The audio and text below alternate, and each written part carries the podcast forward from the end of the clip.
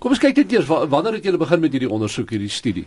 Man dit, dit kom nou al 'n hele ruk. Um maar voordat ek verder gaan, moet ek net duidelik stel dat jy weet ons is die wetenskaplikes wat werk in hierdie grot, maar die mense wat eintlik verantwoordelik is wat die natuurlik die grot geontdek het en verantwoordelik is vir die uitkartering van die grot is die mense van die speleologiese eksploratieklub. Hmm. En hulle is almal mense wat in hulle vrye tyd natuurlik grotte eksploreer en nuus ontdek en so aan. En hulle gaan gereeld rond en kyk in ou sinkgate of dit nie oopgemaak het in grotstrukture aan die onderkant nie. So in die begin 2013 het die mense van um SEC het natuurlik dis hoe ons maar net van hulle praat, het hulle in hierdie spesifieke sinkgat afgegaan om te kyk en hulle het gesien daar is 'n ingang na 'n grot toe. En hulle het ingegaan en natuurlik dadelik agtergekom hierdie is iets heeltemal anders. Dit is absoluut massief groot en geweldig diep. En een van my meesterstudente, wel hy's nou my meesterstudent, Pedro Boshoff, hy is ook 'n lid van SEC en hy het hy's 'n geoloog en hy het na ons toe gekom en gesê hier is iets spesiaals omtrent hierdie grot. Kan ons nie 'n projek doen daarop nie? En dis dis hoe ons betrokke geraak het. Maar nou die teorie nou hier is is dat hierdie reuse meteoriete die aarde getref en dit het toe rotsstrukture gevorm wat toe later in 'n grotstelsel ontwikkel het. Hoe het dit gebeur? Kyk natuurlik as jy uh, 'n impak het, um, soos in die geval, jy weet dat hulle reken dat die meteoriet self was omtrent so groot soos Tafelberg gewees.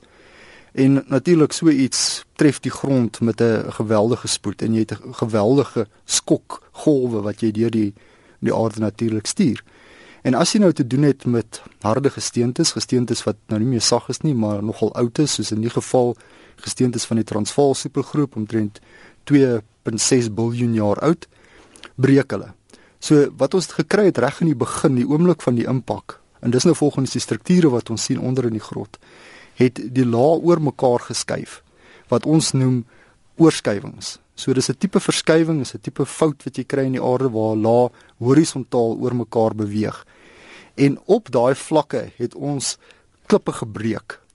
En ons noem dit breksies. Maar bitter vinnig nadat dit gebeur het, het die hele storie ontspan. En nadat dit ontspan het, het jy nou weer nate gevorm wat weer vertikaal afloop in die aarde in. En met tyd natuurlik kon water inbeweeg langs hierdie ou oorskuivings, maar ook hierdie nate. En dit is wat vir ons die struktuur gee en wat vir ons ook gee hoekom die grot lyk soos wat hy vandag lyk. So verwering oor miljarde jare, miljoene jare. Ja, dis reg, ja. Hmm. ja. Nou een van die grotte het die onheilspellende naam Armageddon en hoe groot hoe oud is die Armageddon grot? Wel dit is nou hierdie spesifieke grot waarvan ons praat ja. en die ouens van Sek het dit natuurlik Armageddon ge, gedoop.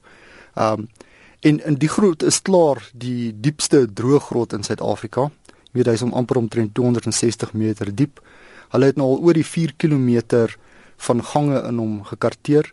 Hy is omtrent die 10de grootste in die land as dit kom by al die verskillende gange wat daar is, maar om die tweede grootste in die land is hy nou horisontale afstand vat. En van die kamers in hierdie grot is is absoluut massief. Daar's 'n ander grot um, wat by wat hulle noem West Driefontein grot en daar's 'n kamer in hom wat hulle noem Texas. En dit niemand weet regtig nie, maar volgens die die die manne van SEC lyk dit dat asof hierdie kamer wat die ouens Giant Walk gedoop het, dalk die grootste kamer ook in die land kan wees volume gewys.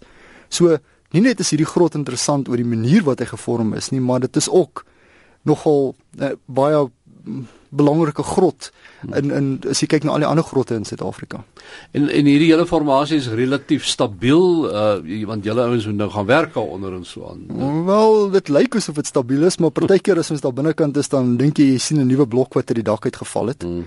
Um so dit dit is maar 'n baie gevaarlike plek en dit is een van die redes hoekom ons ook die ligging van die grot geheim hou.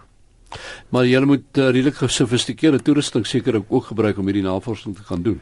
Ja, kyk, die die die mense van SEC gebruik lasers en so aan om die binnekant van die die grot uit te karteer en dis hoe hulle die afstande en die hoogtes en al die dieptes en alles betaal. En dit is 'n baie tydrowende proses want jy werk natuurlik in die donker in baie groot kamers. Partykeer kan jy nie die ander kant sien nie. So jy het geen idee regtig totdat jy aan die ander kant kom hoe groot dit moet wees nie. En natuurlik, weet ons as geoloë, ons gebruik natuurlik nou weer ander instrumente om die helling van die laag te bepaal en monsters te neem en so aan. Maar ook die die die die baie is baie spesifieke en baie hoë tegniese um as jy dit maar noem klim of grottoerusting hmm. nodig om in en uit en selfs binne in hierdie grot te beweeg. Herman net gou die tyd het ons ongelukkig ingehaal. Dit is vir my fascinerende uh, onderwerp hierdie maar jy soek na 'n mineraal in daardie grot. Um hoekom is dit belangrik om dit te vind? Kyk, die mineraal wat ons soek is is 'n mineraal wat ons noem ceresiet. Dit is 'n dis 'n mica. Dis 'n mineraal wat baie kalium bevat.